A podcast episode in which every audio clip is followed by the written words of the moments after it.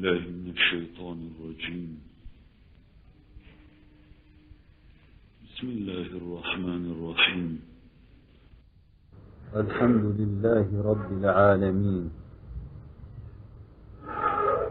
والصلاة والسلام على سيدنا وسندنا وشفيع ذنوبنا ومولانا محمد صلى الله تعالى عليه وسلم.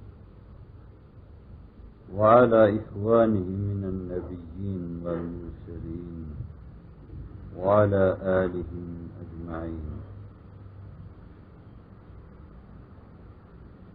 سبحانك لا علم لنا إلا ما علمتنا إنك أنت العليم الحكيم. سبحانك لا فهم لنا إلا ما فهمتنا إنك أنت الجواد الكريم. رب اشرح لي صدري ويسر لي أمري واحلل عقدة من لساني يفقه قولي. وأفوض أمري إلى الله. إن الله بصير بالعباد. اللهم صل وسلم وبارك على سيدنا محمد وعلى آله. عدد كمال الله وكما يليق بكماله. وعدد إنعام الله الكريم وأفعاله. بسم الله الرحمن الرحيم. يا أيها الناس كلوا مما في الأرض حلالا طيبا ولا تتبعوا خطوات الشيطان. إنه لكم عدو مبين. صدق الله العظيم. وبلغنا رسوله النبي الهاشمي. Ya İlahel Alemin, zahir ve batınımızı envar imaniye ve Kur'aniye ile münevver eyle. Nefsin ve şeytanın şerrinden bizleri masum ve mahfuz eyle. Her halükarda tevfikat-ı subhaniyeni bizlere yar eyle. Cümlemizi cennet ve cemalullah şerefiyle şerefiyar ve serfiraz eyle. آمين بحرمة سيد المرسلين والحمد لله رب العالمين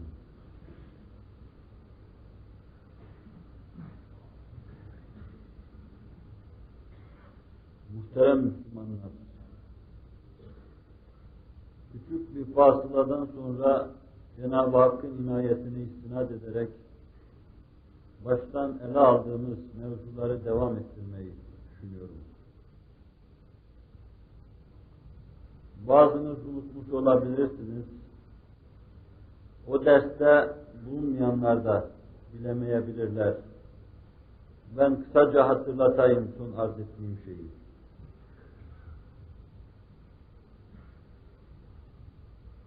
İslam'ın bize tarih, tavsif ve tescil buyurduğu kâmeti kıymete göre değil, anlayışımıza göre, anlayanların anlayışından derlememize göre size iktisadi hayatımızı intikal ettiriyordum.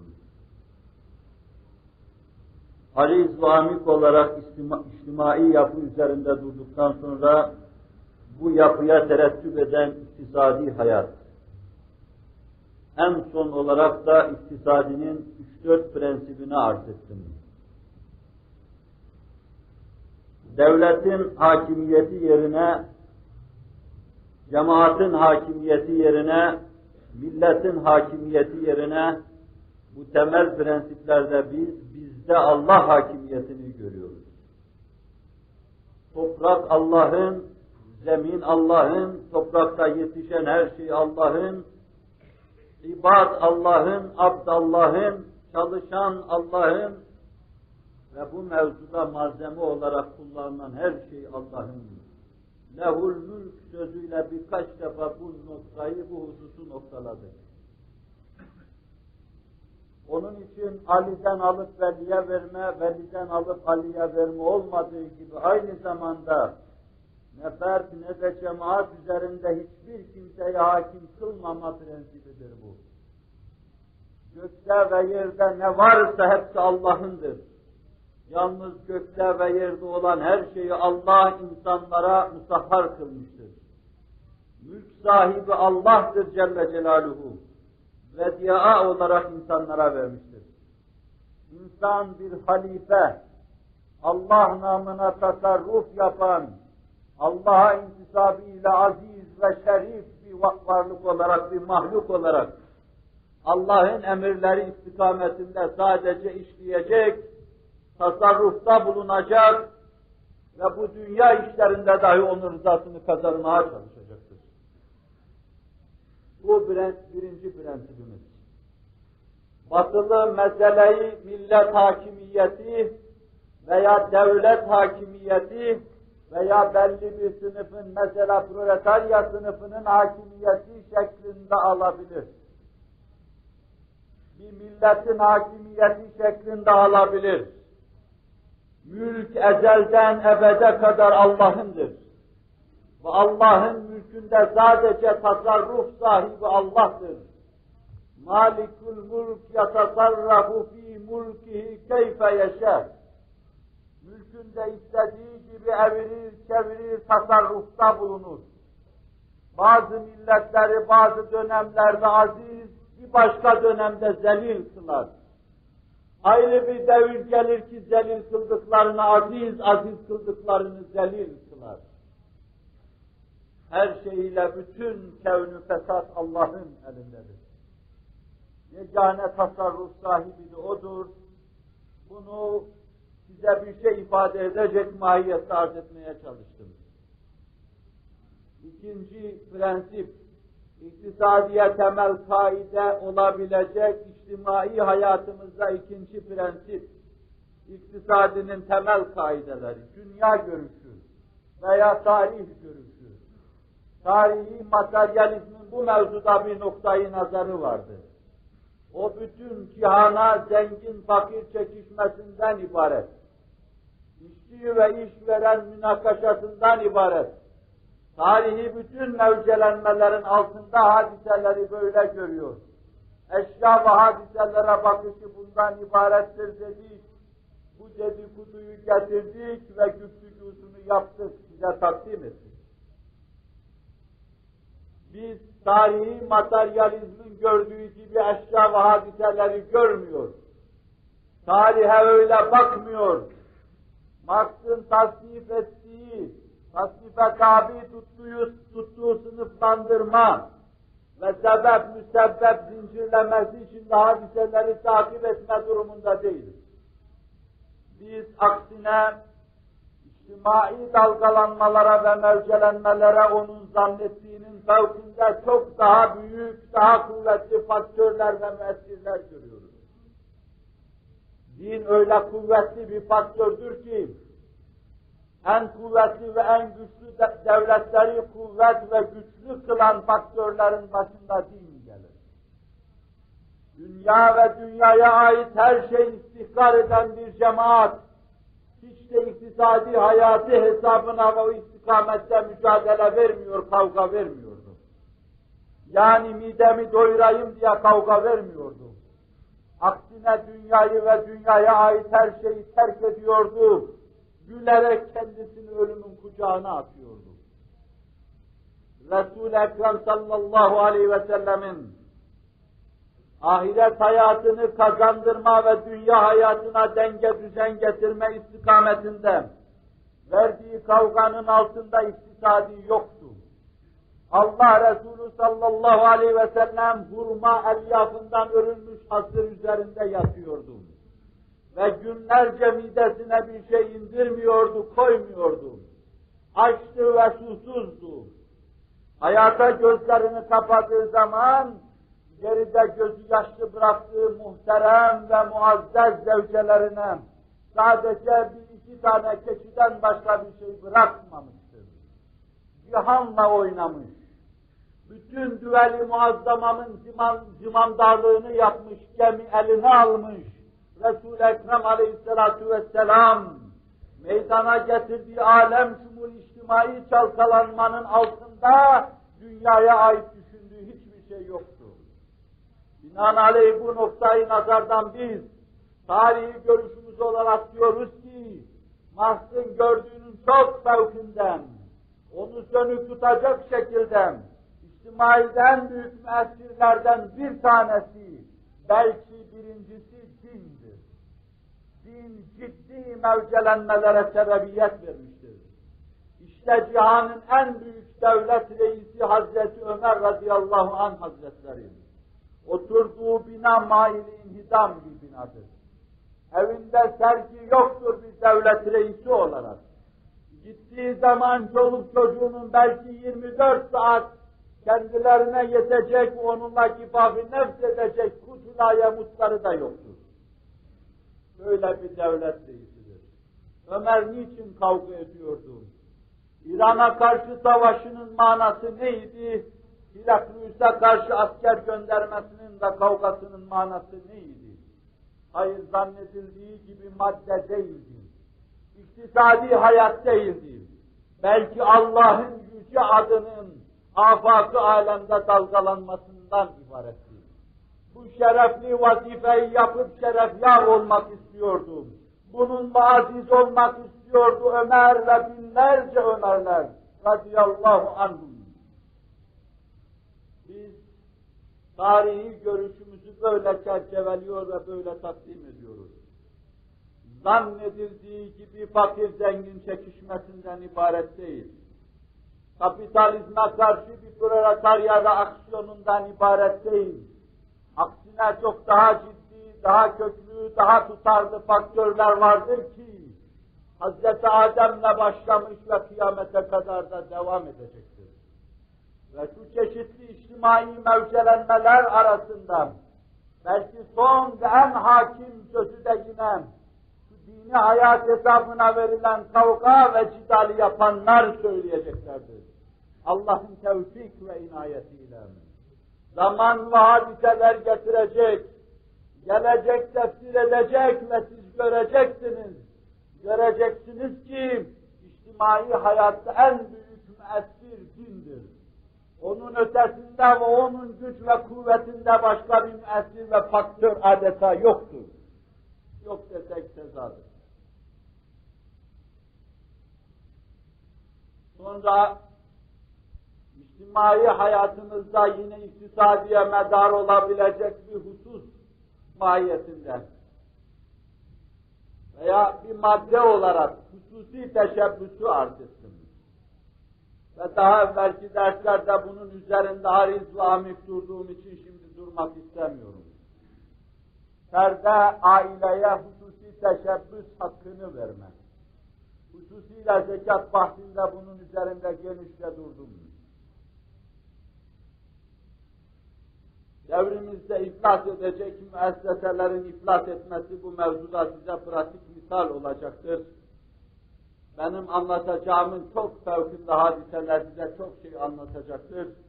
Yıkılanların enkazı ve yapılanların umranları üzerinde alınlarında bunu göreceksiniz. Benim anlattım dediğim ve şimdi anlatmadan istinkaf ettiğim şeyleri mamurelerin alınlarında ve nasiyelerinde, harabe zar kimselerin de enkazlarında ve kemiklerinde göreceksiniz cihan çapında. Ve sonra alem şumul kardeşliğe temas ettim, parmak bastım. İçtimaide, iktisadiye temel kaydı olabilecek hususlardan bir tanesi alem şumul kardeşlik. Cihanın neresinde olursa olsun, La ilahe illallah Muhammedur Resulullah sözüyle Hz. Muhammed Aleyhisselatü Vesselam'ın bezmine iştirak eden herkesin alnından öpmek, onu bağrına basmak manasında alem şumul kardeşim. Filipinler'de bir mümine inen bir yumruk karşısında burada inilti meydana getirme alem şumul kardeşliğim. Arap Yarımadası'nda Ceziretül Arap'ta bir müminin maruz kaldığı eza ve cefa karşısında gönlünde burkuntu duyma alem şumul kardeşliğim. Dağistan'da, Türkistan'da, Gürcistan'da, daha başka nerede? Nerede olursa olsun, kefere ve fecerenin tahakküm, tasallut ve zulmü altından, inim inleyen mümin kardeşlerimize, vatandaşlarımıza, soydaşlarımıza karşı, reva görülen bu mezalim karşısında uykuları kaçması, muzdarip olması, inlemesi ve bu manada bir alem şumul kardeşliği. Ariz ve amik olarak bunun da üzerinde durdum. Biz bunların üzerine koyacağımız iktisadiyi bu kaideler üzerinde tahlil etmeye çalışacağız. Rabbi Rahim ve Kerim'im anlatmada benim anlamada sizin yardımcınız olsun. Doğrunun ifadesi olan Kur'an'ı doğru anlama ve anlatmaya bizi muvaffak kılsın. Kısaca bu dersi arz etmeyi kararlaştırdığım hususları da arz edeyim. Size evvela istihlaki iktisadın temel mevzularından birisi olan istihlak, şimdi uydurma ifadeyle tüketim diyorlar. Onu arz edeceğim. Sonra istihsale parmak basacağım, buna da üretim diyorlar. Ondan sonra hususi mülkiyet mevzunu ele almayı düşünüyorum vakit el verirse. Ve sonra kısaca bir temas edip geçmeyi düşünüyorum besin mevzuna. Ben burada yine dolayısıyla arz edeyim. Bu türlü mevzular benim mevzum olmadığı gibi, bu türlü mevzuları cemaate arz etmenin de mevsimi midir, değil midir? Bu hususta da kat'i kanaatim yok. Bununla beraber bu mevzuda sorulan çok sualler karşısında bakıma ben mecbur oldum. Ve mevzuların bidayetinde de size arz ettim. İnşallah göreceksiniz dedim. İktisadi anlatırken de dahi size bir kısım açıklar getirmiş olacağım. Boşluklar yakalayacaksınız. Ben mecburen o boşlukları ancak şu ana kadar size anlattığım akideye müteallik meselelerle doldurmaya çalışacağım. Bunun manası şu demektir. Ne sağlam bir içtimai ve ne de iktisadi olamaz. Allah'a iman, ahirete iman, kitaplara iman, peygamberlere iman ve kadere iman olmadıktan sonra evvela bu sağlam bir cemaat mevzudur. Ruh zindeliğine, fikir duruluğuna, hissiyat hüşyarlığına ulaşmış bir sağlam cemaat mevzudur. Onun için devrimizin kurtarıcı itfaiyecileri, iki üç asırdan beri bünye içtimaimizde tutuşturulmuş yakılan, ateşi söndürmeye koşarken, erkan imaniye ile koşacak, evvela bu geziyi kapamaya çalışacaklardır. Bu ilk tahşidat, ilk sütre yapılıp hazırlanmadıktan sonra, bunun beratında hazırlama mecburiyetinde olduğumuz amele ve muamelata dair şeyleri tek de tutarlı, güçlü ve kuvvetli kılmamız mümkün değildir. Onun içindir, içindir ki bizim meselelerimizin temelinde iman mevzuu vardır. O zaman bunu da imanın şart, şartları, İslam'ın şartları adetine irca etmek için ilave edeyim. İstihsalden evvel, istihlaktan evvel, besin meselesinden evvel, meselelere evveliyet hakkı tanımadan evvel, her şeyden evvel, iman mevzu bu mevzuda dahi birinci meseledir.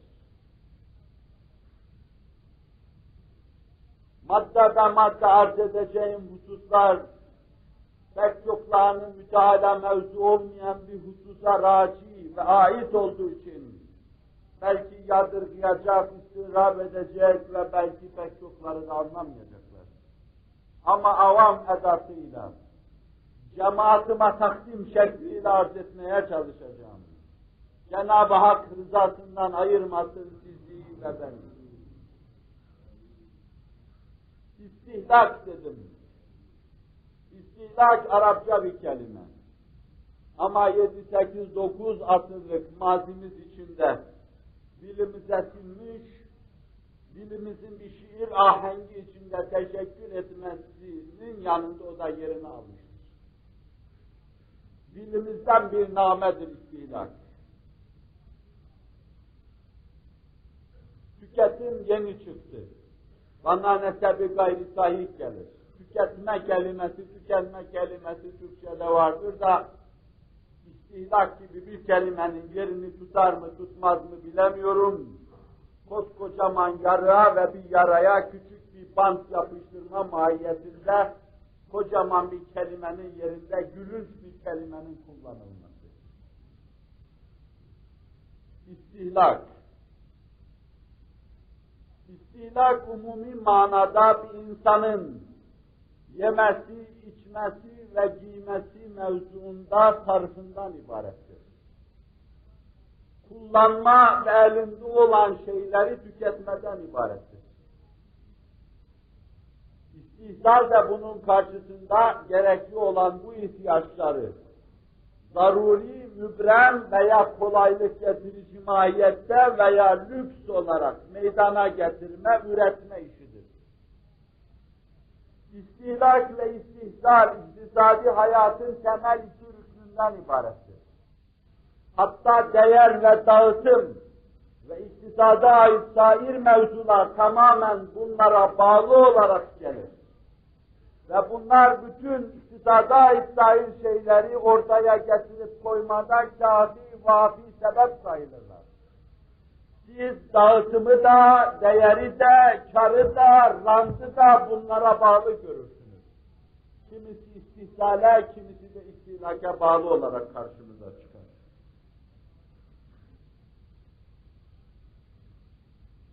İstihlak bir bakıma, iktisadi hayatta en faal rol oynayan bir husustur. Çünkü aynı zamanda istihlak bir isteğe dayalıdır. İnsan istihlak etti mi isteyecektir. İstekse talebi doğuracaktır. Binaenaleyh iktisadi hayattaki faaliyetin temelinde istihlak vardır. İstihlakla istihlak, istihlal bunlar omuz omuza verir, iktisadi hayatı neticederler. Yalnız devrimizde istihlak anlayışı tamamen materyalisttir.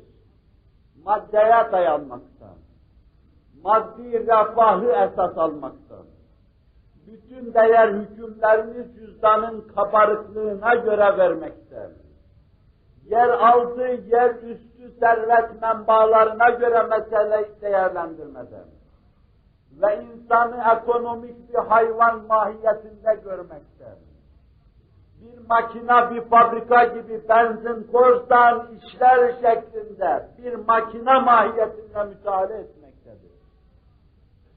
Bu batıl ve sakat anlayışa bir de artistik zevkler inzimam edersen, görenek ve tiryakilikler inzimam edersen, zenginin servetini gelişi güzel sarf etmesi inzimam ederse, mesele üstesinden gelinmez, ön alınmaz bir gayrı olarak karşımıza çıkar. Ve maalesef üzerinde durdum ariz ve amik olarak günümüzde meseleler gelip bu kerteye dayanmış veya böylesine bir gayeye baş aşağı gitmiştir. Bu meselelerin çıkarılması ve yeni bir istikamet verilmesi insanımızın fikri ve ruhi istikamet kazanmasına bağlıdır. Ancak o zaman biz iktisadi hayatımızı düştüğü bu kerteden veya çukurdan çıkarabilir, kurtarabiliriz. Allah'ın tevfik ve inayetiyle. Onun içindir ki aşırı sarf, aşırı istihlak teşvik edilmekte. Lüks teşvik edilmekte.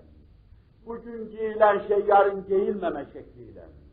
Bugün yenen şey yarın yenmeme şekliyle hatta suni iştaha medar olabilecek çeşitli nimetlerle ağzımızın bütün ezvakına hitap edecek şeyleri sofraya getirip koymak suretiyle korkunç bir israf fikri ve istihlak anlayışı hüküm fermadır. Medeni olan insanlar bu mevzuda bedevilerden daha talihsiz, daha bedbahttır. Bedeviyette bir insan iki üç şeyle geçinmesine rağmen medeniyet insanlığın başına öyle gaileler açmıştır ki koltuksuz bir evi medeni insan yaşanmaz görmektedir. Arabasız ve taksisiz ev olmaz noktayı nazarındadır.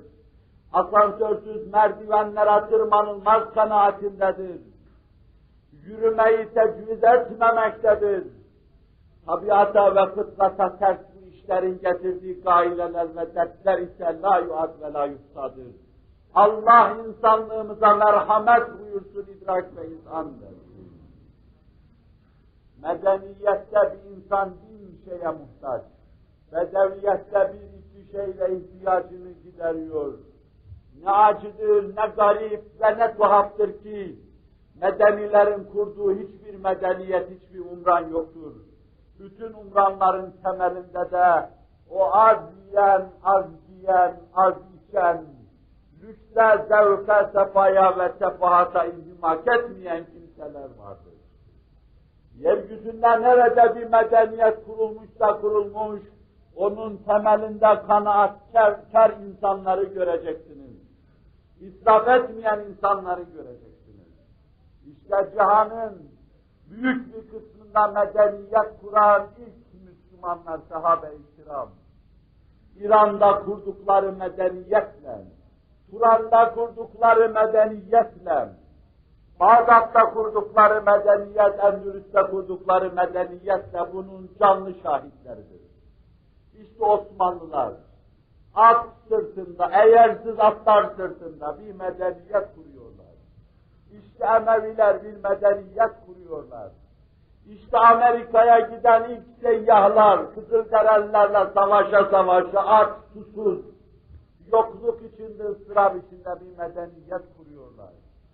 Daha nice devletler ve milletler vardır ki umrana ancak israfsızlıkla, istilaka sınır koymakla, lüks ve sefahattan iştinab etmekle ulaşmışlardır.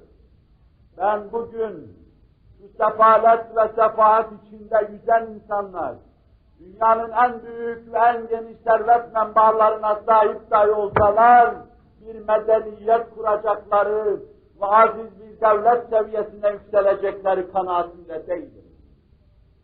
Arap emirliklerinin petrol rezervelerini Türkiye'ye getirin. İran'dan borular bağlayın. Kolerada yaylasındaki uranyumu çekin buraya getirin. Veya Afrika'dan uranyum ithal edin. Dilencilikten kurtulamazsınız. İsrafı, lüksü ve sefatı terk etmedikten sonra. Rahata alışmış bir insanın yapacağı bir şey yoktur. Koltuklara gömülüp oturan bir insanın yapacağı bir şey yoktur. Sandalyasından başka bir şey düşünmeyen insanın yapacağı bir şey yoktur. Sokağın bir tarafından öbür tarafına giderken dahi taksiyle geçen giden insanın yapacağı bir şey yoktur. Bütün bir tarih boyunca Ümranlar adına bir şey yapmadığı gibi bundan sonra kurulacak muhteşem umran adına da yapacağı bir şey yoktur. Bu hissizlikle cemiyet ilerlemesi şöyle dursun, yaşar pek yanlış, bir ümmet göster, ölmüş maneviyatıyla pas kalmış. Manasız ve ruhsuz bir milletin ayakta durması şöyle dursun, ilerlemesi şöyle dursun, ayakta durması bile mukadder değildir.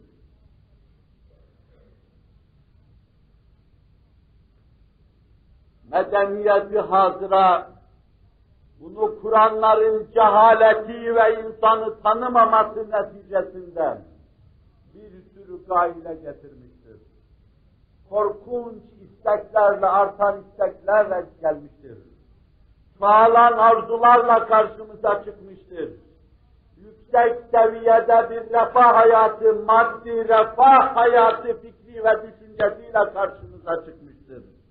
Onun için biz her gün bitmeyen tuğlu emeller içinde uyanıyor, bitmeyen tuğlu emeller içinde yatağa giriyor ve bitmeyen tuğlu emelleri kovalıyoruz hülyalarımız içinde. rüyalarımız içinde gezerken, tozarken her yerden, tuğle emeller arkasından koşuyoruz.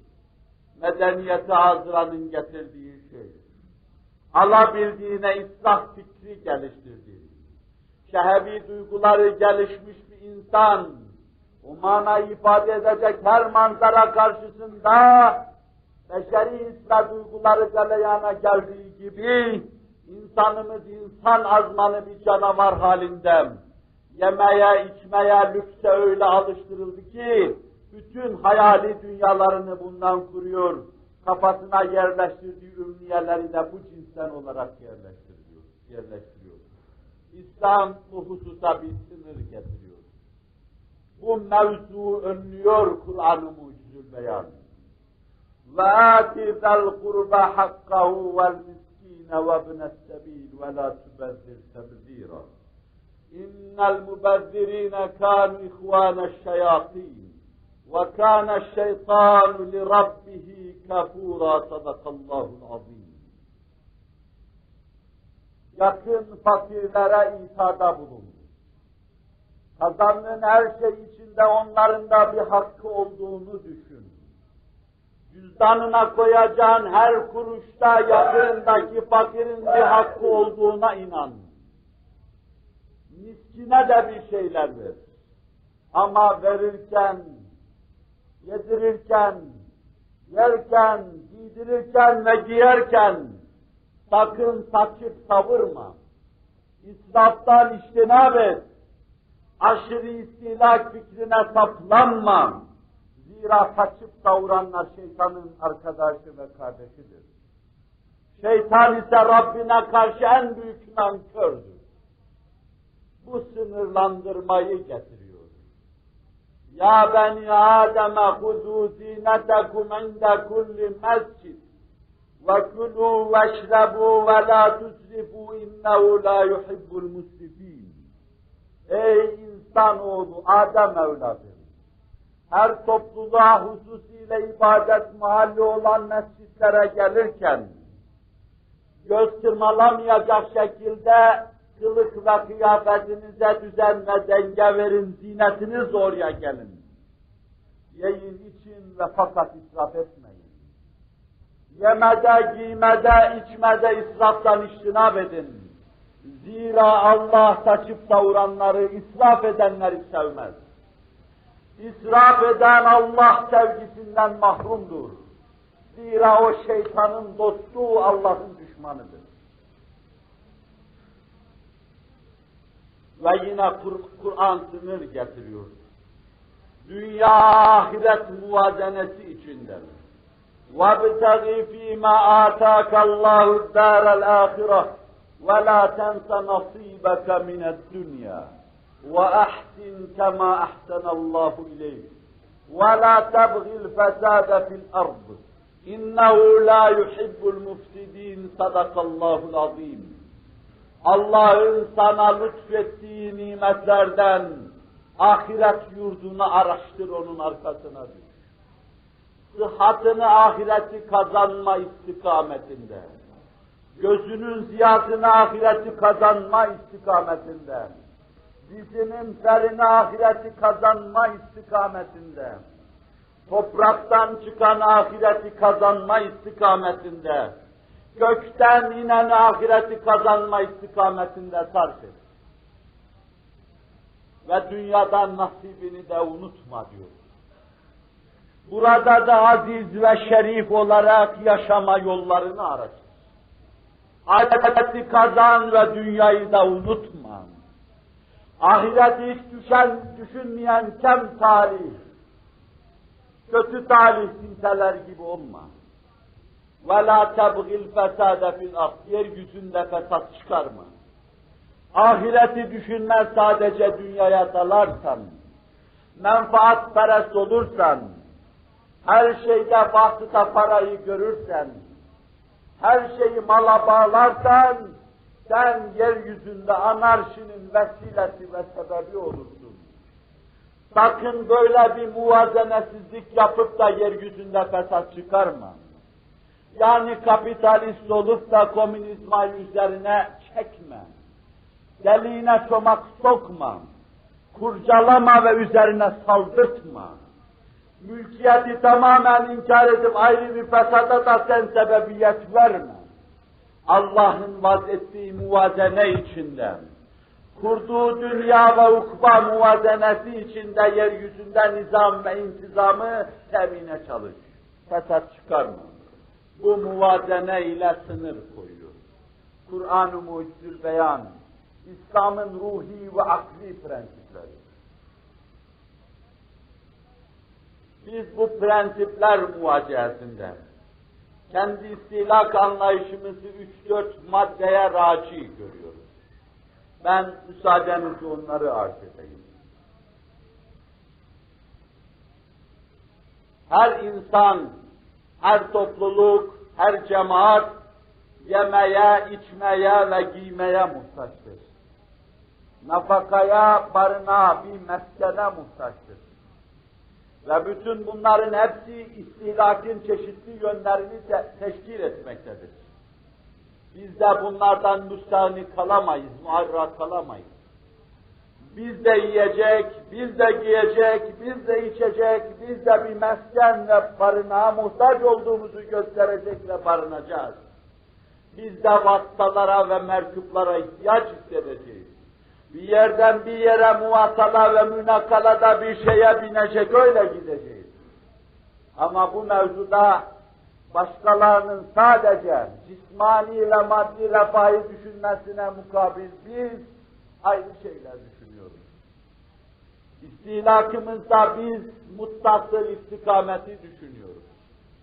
Sarf ederken istikamet içinde sarf ediyoruz. Ne demek arz edeceğim? Saniyen temiz şeylerde istilak yapıyoruz. Yani tüketim dediğimiz şeyi temiz şeylere münhasır kılıyoruz. Salisen yaptığımız her şeyi bu mevzuda ihtidalle yapıyoruz. Dengeli. Rabian her şeyi fazilete dayıyoruz. Faziletli şimdi erdemli diyorlar. Faziletli olarak yapıyoruz. Biz de tüketeceğiz. Yiyecek, içecek, giyecek, binecek ve tüketeceğiz. Ama bunları yaparken istikamet içinde temiz olanından itidalle, fazilet şuuruyla yapacağız.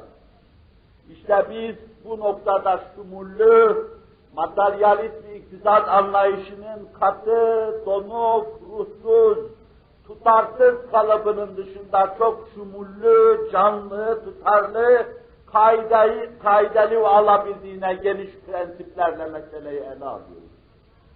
İstikamet içinde yapıyoruz bunu. Biz ağzımıza her şeyi abur cubur koyamayız. Yerden biten her şeyi yemeyiz. Çünkü istilak ettiğimiz şeyler istilak ederken yapacağımız her şey ruhun gelişmesi, duyguların inkişaf etmesi, uhrevi aleme istidat kazanma istikametinde yapıyoruz.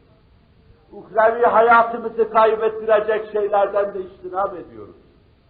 Dünyada netice itibariyle tevlid edeceği zararları da istihlakta hesaba katıyoruz.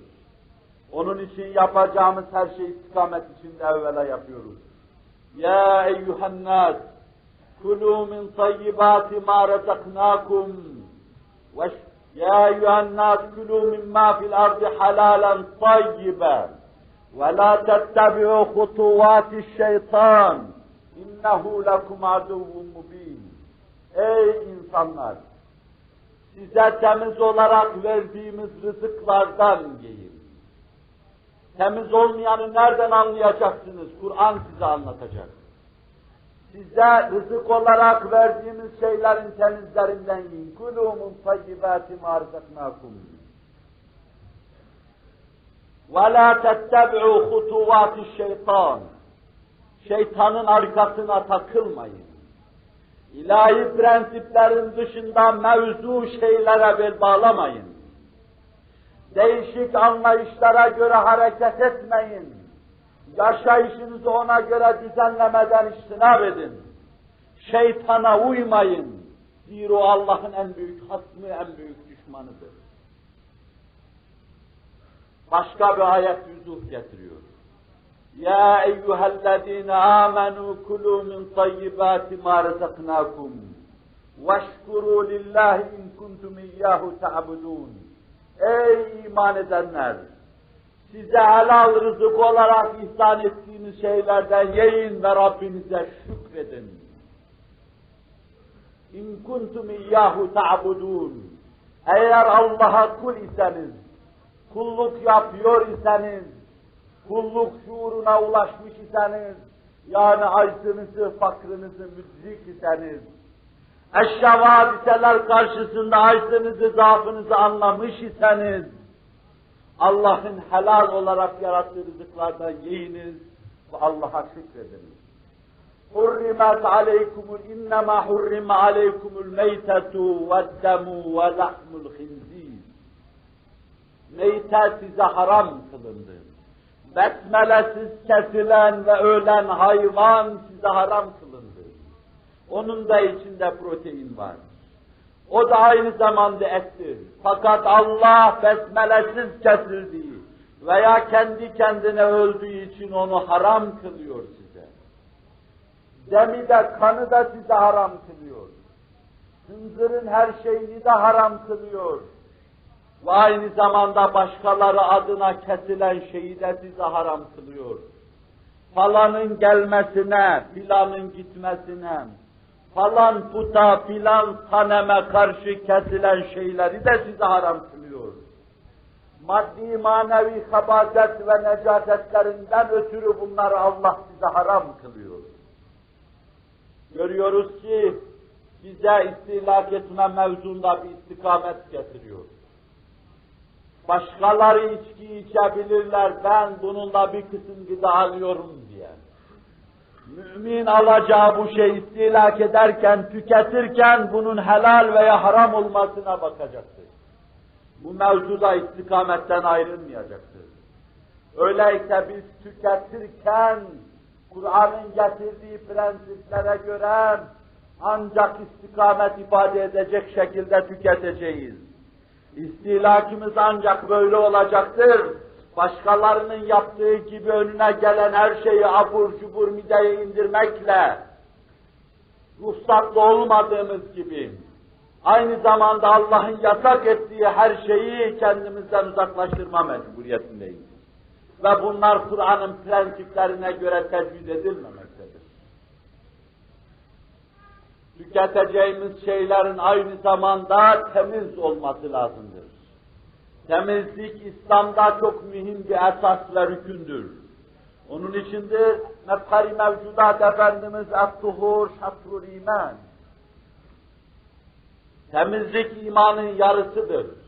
Halk arasında bu sözü mübarek sözü hadis diye en-nezafetü minel iman şeklinde anlatırlar. Temizlik imandandır. Temizlik imandan bir parçadır. Binaenaleyh yediğin şey temiz olacak. Giydiğin şey temiz olacak. içtiğin şey de temiz olacak. Maddi manevi temiz olacak. Vücuduna zarar veren amonyakı içmen haram olduğu gibi manevi hayatın için zararlı olan ve etibba açısından maddi hayatın için dahi meske sebebiyet veren içkiden de iştinab edeceksin. Belki sigaradan iştinab edeceksin. Bunun gibi sahi tenmim eden, uyutan, uyuşturan şeylerden iştinab edeceksin. Bütün tekir veren şeylerden iştinab edeceksin.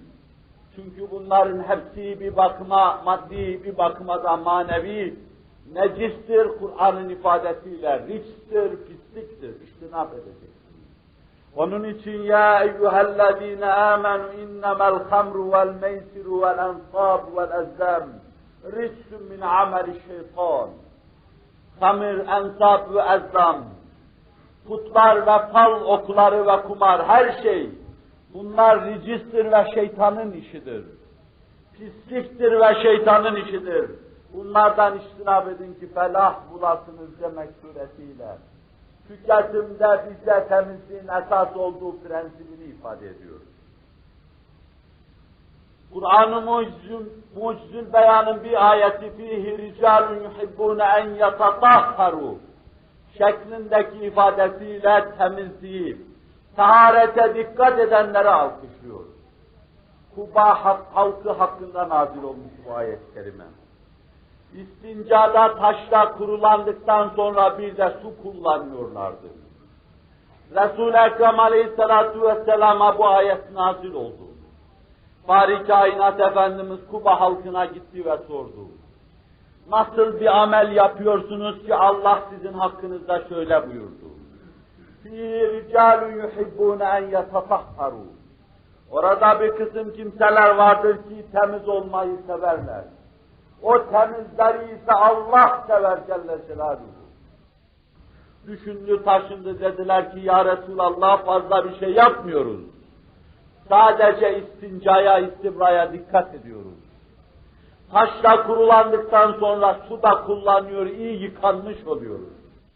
Demek ki sizin bu iyi temizliğinizden, temizliğe iyice dikkat etmenizden ve hassasiyetinizden ötürü Allah Sübhani fermanıyla sizi alkışlıyor buyurdu. Allah Resulü sallallahu aleyhi ve sellem. Ve Allah Resulü sallallahu aleyhi ve sellem yine ferman ediyor. Herhangi biriniz uykudan kalktığınız zaman elini yiyeceği, içeceği şeye daldırmasın. Ağzına da götürmesin. Çünkü bilmiyor eli gece nerelerde dolaştı. Apış arasına mı girdi, koltuk altına mı gitti? Bu sıcak, ılımlı, yumuşak ve tüylü mıntıkalar mikropların yaşaması için en müsait vatattır. Uykudan kalktığınız zaman zinhar elinizi yiyeceğiniz, içeceğiniz şeye götürmeyin. Ta tertemiz yıkayın ondan sonra yapacağınız şeyi yapın. İşte müminlikte büyük bir mesele olan kalkar kalkmaz hemen tertemiz bir abdest alıp namaz kılıp ondan sonra yapacağı şeyleri yapma mevzuu bu temizlik anlayışına bağlıdır. Üçüncüsü istilakta itidal esası vardır. Ne bir kısım zaviye dedeler gibi diyeyim. Yoga anlayışı içinde yemeği içmeyi tamamen terk edip bir tarafa çekilme ve ne de içini şuhumu müddehare ile doldurma yağ stokları yapma. İtidal içinde sarf etmem. İtidal içinde yeme, itidal içinde içme ve mutedil olarak giyme. Yayın için israf etmeyin ayeti bunu anlatıyor bize. Ya eyyühen nas la tuharrimu tayyibati ma ahallallahu lekum ve la ta'tadu innallaha la yuhibbul mutedin. Ey insanlar! Allah'ın size helal kıldığı şeyleri nefsinize haram etmeyin. İfrat edip hüdudu tecavüz etmeyin. Yemeyeceğim, içmeyeceğim, giymeyeceğim, ailemin yanına gitmeyeceğim demeyin. Bu ifrattır. Zinhar itidali bozmayın, müstakim hareket edin. Allah mutedil olmayanları sevmez. Ne ifrat edecek ne de tefsir edecektir ne protein, vitamin gibi, sair metaller gibi vücudun ihtiyacı olan şeylerden vücudunu mahrum bırakacaksın. Ne de kalbinin etrafının yağ bağlamasına meydan vermeyeceksin. O kalbi hayatını öldürdüğü gibi berikilerde cismaniyetine karşı hazırlanmış gelen hastalıklara menfezler açma, kapı pencere açmaktır. Biz tüketirken itidal içinde tüketiriz. İfrat ve tefritin ortasında yaparız. Zira zaten Kur'an bize ümmeti vasat, orta ümmet demiştir. İfrata ve tefrite düşmeyen ümmet. وَجْعَلْنَاكُمْ ümmeten vasata. Sizi ümmeti vasat kıldım. İfrat ve tefrit ortası itidal hayat ve havasını yaşama. Bu Kur'an-ı Kerim'in temel prensibidir. Biz bütün bir hayatımızda bunu düstur istihad ederek yaşarız. Bütün hayatımızda Allah Celle Celaluhu bunu düstur edilmeyi bize nasip ve müyesser eylesin. Ona sonra temas edeceğim.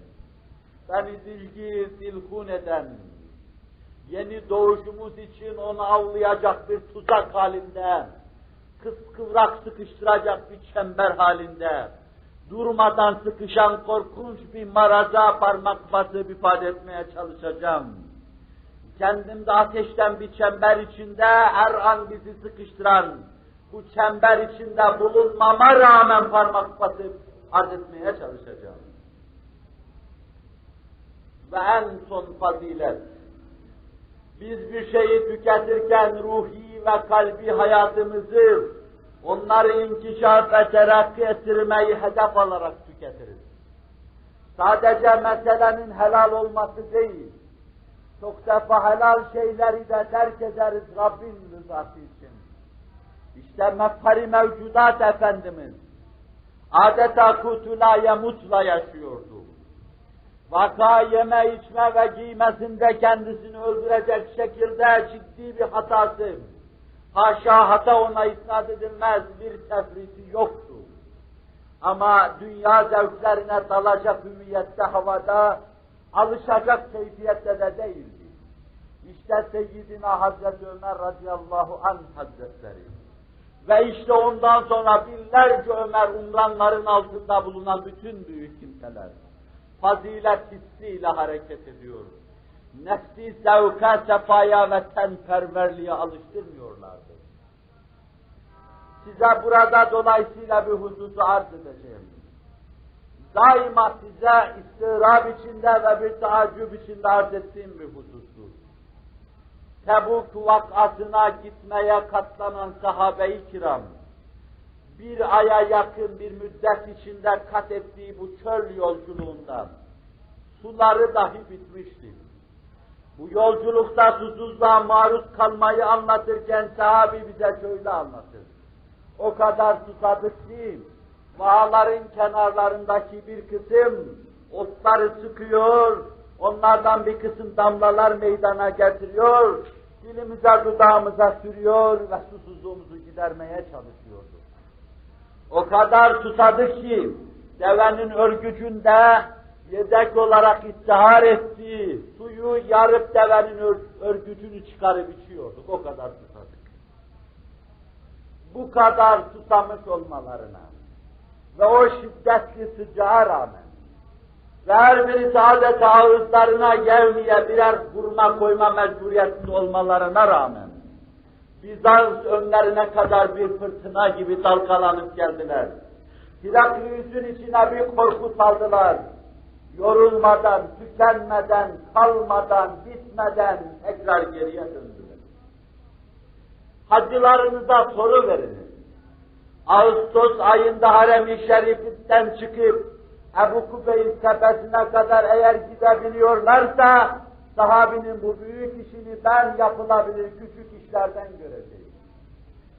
Gitmişler, görmüşler, duymuşlar ve satmışlardı. Haremin bir kapısından çıksalar, dolaştı öbür kapısından girmek isteseler, hususiyle memaliki baride insanı olan bizim memleketimizin insanı, eğer bir köşede bayılıp düşmüyorsa kendini alıştırmış demektir. Gölgede hararetin 60'a 70'e ulaştığı ve bir esintinin bulunmadığı, taşa ayağını basarken dikkatli basma mecburiyetinde olduğun bir yerde, o çölü kat etme ihtihamı, tehallükü öyle müthiş bir meseledir ki, başka kimsenin yapacağı şey değildir. Ve hiçbir sahabi de bizi nereye götürüyorsun demedi. Niçin gidiyoruz demedi. Aksine geriye kalmış bir Ebu Heysem, bir Ebu Zer radıyallahu teala hazretleri, sırtına eğerini, eşyasını vurdu, o sıcak çölde arkadan Resul-i Ekrem sallallahu aleyhi ve selleme yetişti. Medine'den doğru kopup gelen bir toz duman içinde Resul-i Ekrem'e gösterdiler, birisi geliyor. Allah Resulü Ebu Zer olsun buyurdu. Duman yarılınca Ebu Zer çıkıverdi dumanın içinden. Ya Resulallah az daha helak olacaksın buyurdu. Allah Resulü yalnız yaşam, yalnız gez ve yalnız öz buyurdu. Veya yalnız yaşar, yalnız gezer ve yalnız ölürsün. Sallallahu aleyhi ve sellem. Benim arz etmek istediğim şeye gelince, böyle ağır işlerim, zevkli, sefalı bir hayata yaşam alışmış insanların yapması mümkün değildir. Sıcak döşeklerde yatmaya alışmış insanların, yumuşak koltuklarda gerilip oturmaya alışmış insanların, günde üç defa envai çeşit nimetlerin sinilerle önlerine gelip gittiği insanların, insanlık tarihi adına yaptıkları fazilet ifade eder hiçbir şey yoktur. Meziyet ifade eder hiçbir şey yoktur. Zevkin, sefanın, zebun insanların umran adına kurdukları hiçbir şey yoktur. Daima kendisini pehrize alıştırmış. Varlık içinde bir bakıma iktisad-ı itidalle hareket eden, kalbinin ve ruhunun hakkını da ayıran, onları da ona veren fazilet insanları bir şeyler yapmışlardır. Alıştırırsan nefsini çok şey yaparsın. Bir kere de salı verirsen, otlağa salınmış behaim gibi bir daha onu geriye alamazsın, seni mahveder. Nice acı şeyleri ve zehirleri bal içinde sana takdim eder. Yağ içinde sana takdim eder de seni helak eder farkına varamazsın. Kem hassenet lezzeten lil mer'i katileten min haythu lem yedri enne semme fiddesemim. Nice lezzetleri tatlı göstermiştir, güzel göstermiştir. Ama katil lezzetleri, öldürücü lezzetleri, insan bilmez ki zehir yağın içinde takdim ediliyor. İnsan bilmez ki hayat o koltuklar içinde, yumuşak döşeklerde ve günde sinisini üç defa, dört defa önlerine gelip giden yemekler içinde zehir takdim ediliyor. Şeytan uhrevi hesap adına senin ananı o noktada ağlatıyor. Ayağının kuvvetini ve ferini o noktada kesiyor. Dermanını o noktada alıyor. Seni ağaç bir ilaç o noktada bırakıyor.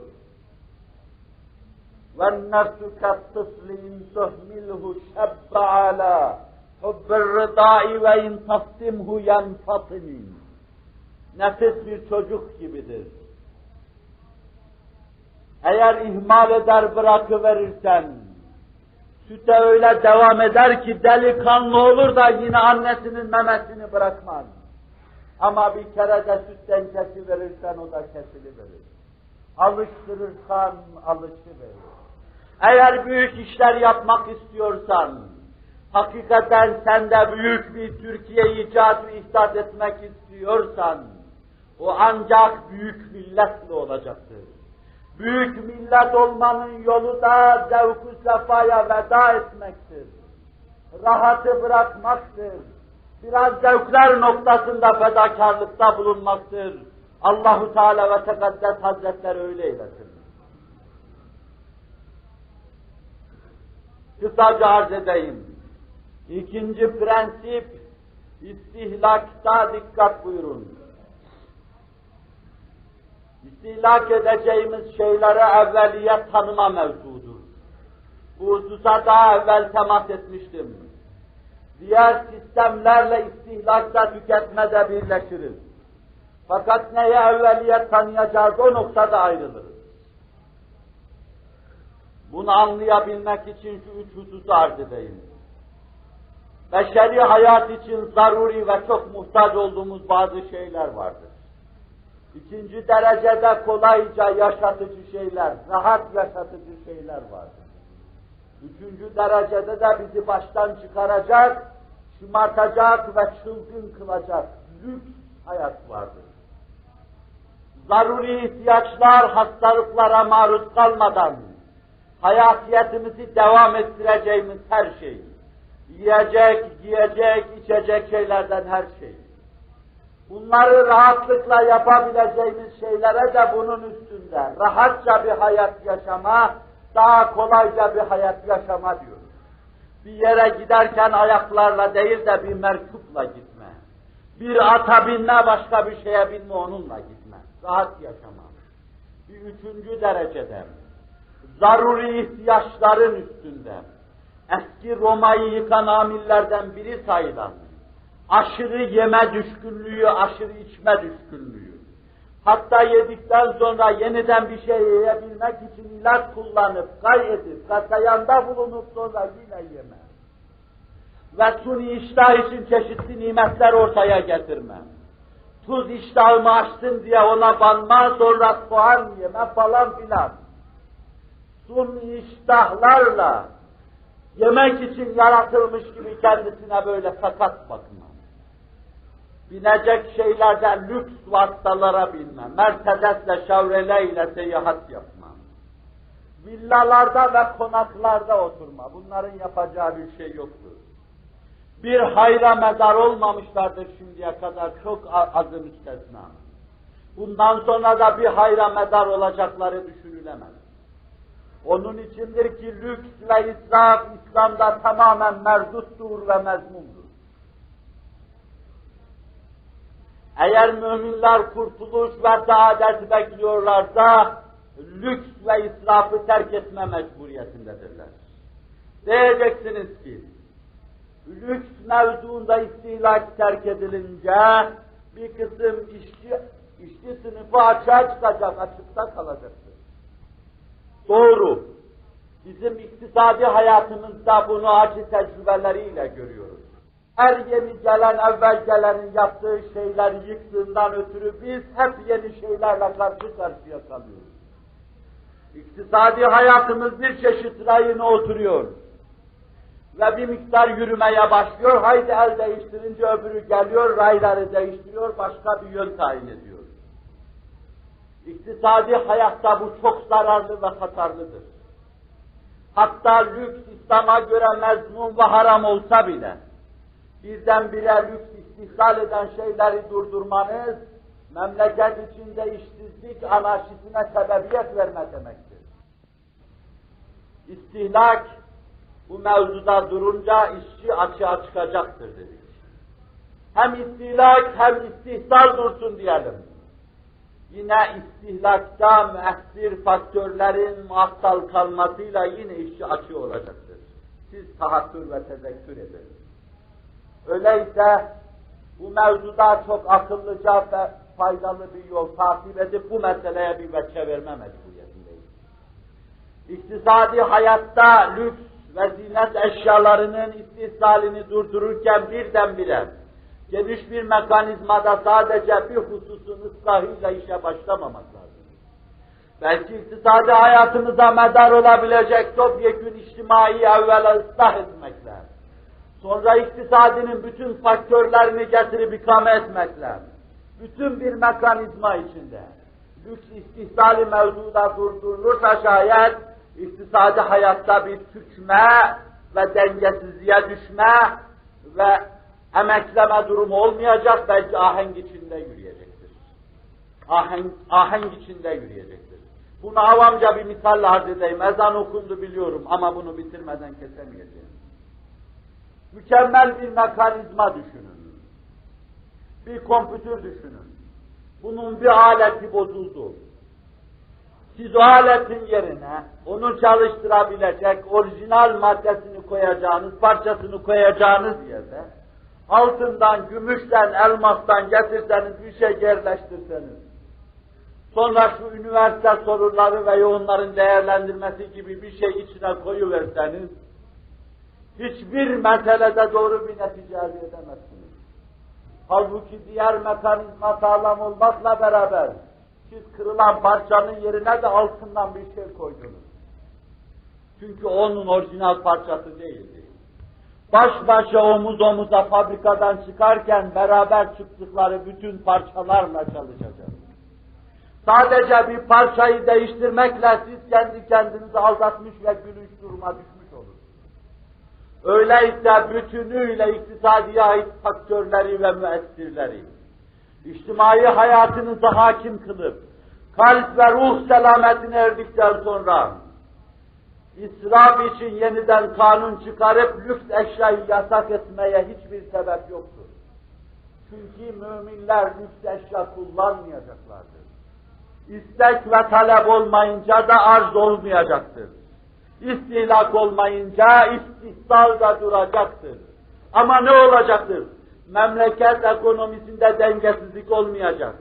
Belki bu ahenkli gelişme içinde eskiden üzümünü şaraba veren insan pekmez yapma şartlarını kuracaktır. Ve birdenbire ne üzümü onun ne de o üzüm üzerinde çalışan işçisi açığa çıkmayacaktır. Bu hususu ileride yine münasebet aldıkça üzerinde durup arz etmeyi düşünüyorum. Allahu Teala ve Tekaddes Hazretleri mesaili Kur'aniyeyi arzı ve genişliği nispetinde anlamaya bizi muvaffak kılsın. Resul-i Ekrem sallallahu aleyhi ve sellem hürmetine bizi onun yolundan ve şehrahından bir lafta bir an ayırmasın. Muhterem Müslümanlar, rahatsızlıkla biraz ara vermiştim. Ve bugün bu kadar size hitapta bulunacağıma da güvenim, ümidim yoktu. Bununla beraber Cenab-ı Hak eman verdi, lütfetti, ihsanda bulundu. Bana cesaret geldi, hutbe okuma cesaretini de hissediyorum. Hoca Efendi'ye söylemiş olmakla beraber. Ve bu vaziyette eğer fevkalade bir şey olmazsa, akşam sohbetini yapacağımı da söz veriyorum. Yine yatsı namazından evvel başlama kaydı, şartı ve havasıyla inşallah Teala. Bugünlük bu kadarlıkla iktifa edelim. Lillahi Teala'l-Fatiha. Muhterem Müslümanlar, İnsan sadece maddeden ibaret değil.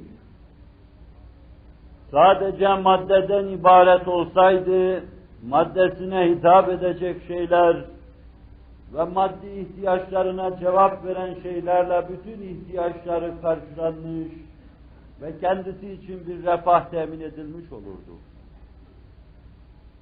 İnsanın maddesinin yanında hatta ondan öte ondan çok daha yüksek, çok daha derin, çok daha ağır ve çok daha kıymetli. Ruh gibi, kalp gibi, sır gibi, bilinir bilinmez latifeler gibi, duygular gibi, pek çok şeylerden mürekkep veya pek büyük istidat ve kabiliyetlerle mücehhez, bütün istidat ve kabiliyetlerden her birerlerinin isteği ayrı, ihtiyacı ayrı, arzusu ayrı, talebi ayrı, böyle ayrı ayrı istidat ve kabiliyetlerden mürekkep, kainat çapında, kainattan daha büyük, avalim ve cihanlarda matvi olan bütün manaları ifade eden, büyük alemin fihristi, mükemmel bir varlık, ahseni takvim sırrını ifade eden muazzez bir varlıktır. İnsan sadece maddeden ibaret olsaydı, ekonomistlerin dediği ve zannettiği gibi sadece maddeden ibaret olsam, zandıkları gibi ekonomik bir hayvandan ibaret olsaydı, parayla, para gibi büyük vasıta sayılan bir şeyle ihtiyaçları giderilirdi. Ve insan mesut olurdu, mesut kılınırdı. Bir refah hayatı kendisine temin edilebilirdi. Halbuki insanın maddesinin yanında belki ondan daha fazla daima ihtiyaç arz eden aklı, ruhu ve hissiyatı gibi şeyler var hususiyle asrımızda bu noktada insan beslenemediği için belki bütün buhranların altında da bunların beslenememesi, bu duyguların ihtiyaçlarına cevap verememe gibi şeyler vardır. Ve işte bizler meseleleri ele alırken fazilet açısından aklın ve ruhun inkişaf ettirilmesi, İçtimai hayatımızda, iktisadi hayatımızda bu meselelere de çok büyük bir yerin verilmesi zaviyesinden ele alıyoruz. Maddi ekonomi sistemlerde olduğu gibi, paranın birinci vasıta olarak ele alınması gibi bir hoyratlık, bir kabalık, bir donukluk ve bir sönüklükle meseleyi ele almıyor insanı bütünüyle müteala keyfiyeti içinde bu meseleyi çok aktif, çok canlı ve çok şumurlu olarak ele alıyor. Bir yönüyle meselemiz objektif, paraya dayalı, bir yönüyle subjektif, insan ruh, kalp ve latifesine dayalı iki yönlü ele alınıyor ve şumullü bir dairede kendi fonksiyonunu icra etmeye, eda etmeye çalışıyor. Ve bu insanımızı, insanlığımızı faziletli kılıyor. Dünyaya gelişin gayesi ve hedefi de budur. Allah Celle Celaluhu bizi faziletli kılsın. Para her şey değildir. Allah nazarında, Resulullah nazarında, insanlar nazarında para insanı faziletli kılan şey değildir. Yeraltı, yerüstü servet menbaları insanları faziletli kılan şey değildir. Belki yerinde bunlar fazilete yardım etmiş iseler de aklımızda anlaşıldığı, öyle zannedildiği gibi hiçbir zaman faziletin mualla tahtına kurulamamış, oturamamışlardır. Yerinde fazilete hizmet eder. Allah Resulü sallallahu aleyhi ve sellem Tebuk'e azmi rah buyuruyorlardı. Ona ceyşül usre diyoruz. En sıcak bir mevsimde, kıtlığın hüküm ferma olduğu bir dönemde, Bizans'a karşı resmi geçit mahiyetinde bir görünmek iktiza ediyordu. Mefkari mevcudat Efendimiz arkasını aldığı, dünyayı istikrar etmiş cemaatiyle bu işi yapacaktı.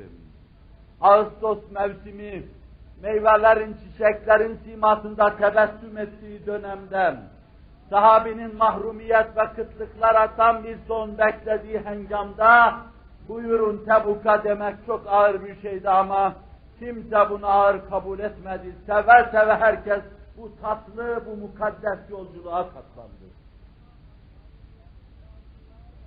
Ama bunun için at lazımdı, malzeme lazımdı. Harp için gerekli olan tecihizat lazımdı. Onun için de Resul-i Ekrem sallallahu aleyhi ve sellem halkın hissi semaatına dokundu, onlardan cömertlik bekledi. Herkes bir şeyler getiriyordu. Kaç defa duyup dinlediniz. Ebu Bekir bütün mamelekini getiriyordu Allah'ın rıza ve rıdvanı üzerine olsun. Ömer servetinin yarısını getiriyordu. Ve Hazreti Osman zengindi. Yemen ve Medine arasında Suriye ve Medine arasında karbanlar teşkil ediyor, ticaret yapıyordu. Zengindi. Binlerce devesi vardı. Allah Resulü'nün bu davetine kucak dolusu altınla icabet ettiler. Resul-i Ekrem sallallahu aleyhi ve sellem gelen her şeyi gözetme ve tespit havası içinde Mescid-i Nebevisinde oturuyorlardı. Osman içeriye girdiği, zor taşıdığı bir şey vardı elinde. Allah Resulü'nün önüne geldi ve mübarek eteğine boşaltıverdi. Şangır şangır paralar, altınlar dökülürken Allah Resulü eliyle kurcalıyor ve şöyle diyordu. Vallahi Osman'a bundan sonra yaptığı kötülükler zarar vermez buyuruyordu. Muhal farz Hazreti Osman günah işlese bile, bugün yaptığı bu semahatle, bu cömertlikle Allah Celle Celaluhu onu muhafaz etmeyecektir. Servet vardı bir yerde ama o yerinde kullanılıyordu. Hatta yerinde kullanılmayan böyle bir servet belki faziletsizlik, belki bir kısım fazilete giden yolları tıkayıcı mahiyetindedir.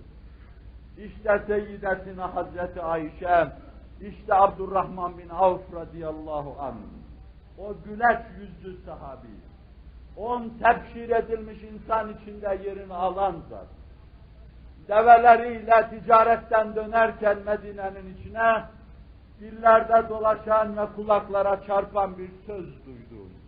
Bu söz Hane-i Nebevi'den, Hazreti Ayşe'den geliyordu. Abdurrahman bin Avf beyninden vurulmuş gibi oldu. Hane-i Saadet'e geldi ve seyyidetine Hazreti Ayşe'ye sordu. Anam dedi, Ayşe'yi Sıddıka'ya bir söz şair ki senden zuhur ettiği söyleniyor. Sen şöyle bir şey nakletmişsin. Resul-i Ekrem sallallahu aleyhi ve sellem Abdurrahman bin Avf'ı ben cennete girerken gördüm. Ayakta yürüme iktidarı yoktu. Emekliye emekliye gidiyordu. Sebebi sorulunca servetinin çokluğu buyurdu. Bunu sen Resul-i Ekrem'den mi duydun? Evet bunu bu kulaklarımda Resul-i Ekrem'den duydum. Bütün servetini Medine fakirlerine ve daha başkalarına bağışlayıverdim. Fazilete giden yol tıkanıyordu. Servet sahibi olacaksın da. Fakat bu maddi manevi terakkide yükselişte onları merdiven ve basamak olarak kullanacak. Faziletini onun üzerinde kuracaksın. Servetin bu türlü fazilete medar ve vesile olursa zararsız olsa bile haddi zatında servet faziletin ne remzi, ne işareti, ne de büyük bir vesilesidir. Fazilet Allah marifetine bağlıdır. Fazilet Allah katında insanın Allah'a yaklaşmasına bağlıdır. Resul-i Ekrem'in vadiyede çiçek gibi Zahir adında bir dostu vardı. O bedevi bir. Çölde bulduğu şeyleri getirir Medine pazarında satar. Her gelişinde de Resul-i Ekrem'e bir demet çiçek hastanın yanına geliyor gibi çiçek getiriverirdi. Allah Resulü zahir bizim badiyemiz buyururdu. O bizim çöl insanımız. Medine'nin pazarında ticaret yaparken Allah Resulü'nün dört beş defa yaptığı latifelerden birisidir. Sessiz arkadan süzüldü. Zahirin arkasına yanaştı ve gözlerini tuttu. Önce zahir o kim bıraksın beni dedi. Sonra Resul-i Ekrem olduğunu anlayınca sırtıyla iyice dayanıverdi ona. Cümlünden, bereketinden, şeref ve nuraniyetinden istifade etmek için o mücessem nura sürünüp dur duruyordu. Resul-i Ekrem sallallahu aleyhi ve sellem bu esnada seslendi. Bir kul var, satıyorum, alan var mı diye latife buyurdular. Zahir Allah'ın kuluydu. Ama bu mana, bu söz köle manasına da gelir. Zahir latifeye mukabele etti. Ya Resulallah cisim itibariyle müdebbep değildi. Zengin değildi. Muhalla bir kameti yoktu. Ona çirkin denemez ama güzel de değildi. Ya Resulallah ben esasdan çok para etmem çünkü güzel değilim buyurdu. Allah Resulü içini çekti şöyle dedi. Sen Allah katında çok kıymet ifade edersin buyurdular. Fazilet Allah'a kurbiyet içinde ele alınmalı. Fazilet Resulullah'a kurbiyet içinde ele alınmalı. Binaenaleyh biz içtimaimizde de, iktisadimizde de meseleyi ruhun ve kalbin terakkisiyle elde edilecek fazilete dayak kayıyoruz. İmanlı fazilete bağlıyoruz. Allah bizi iman yolunda ve imanlı fazilet yolunda kaim ve daim eylesin. Maddenin ve maddi anlayışın sökmediği, materyalizmin iflas ettiği, batı sisteminin tıkandığı ve bütün menbaları tıkadığı dönemde, bütün cedvel ve menfezlerin açılacağını intizar ediyoruz. Bu bizim kuracağımız fazilet cemaatine bağlı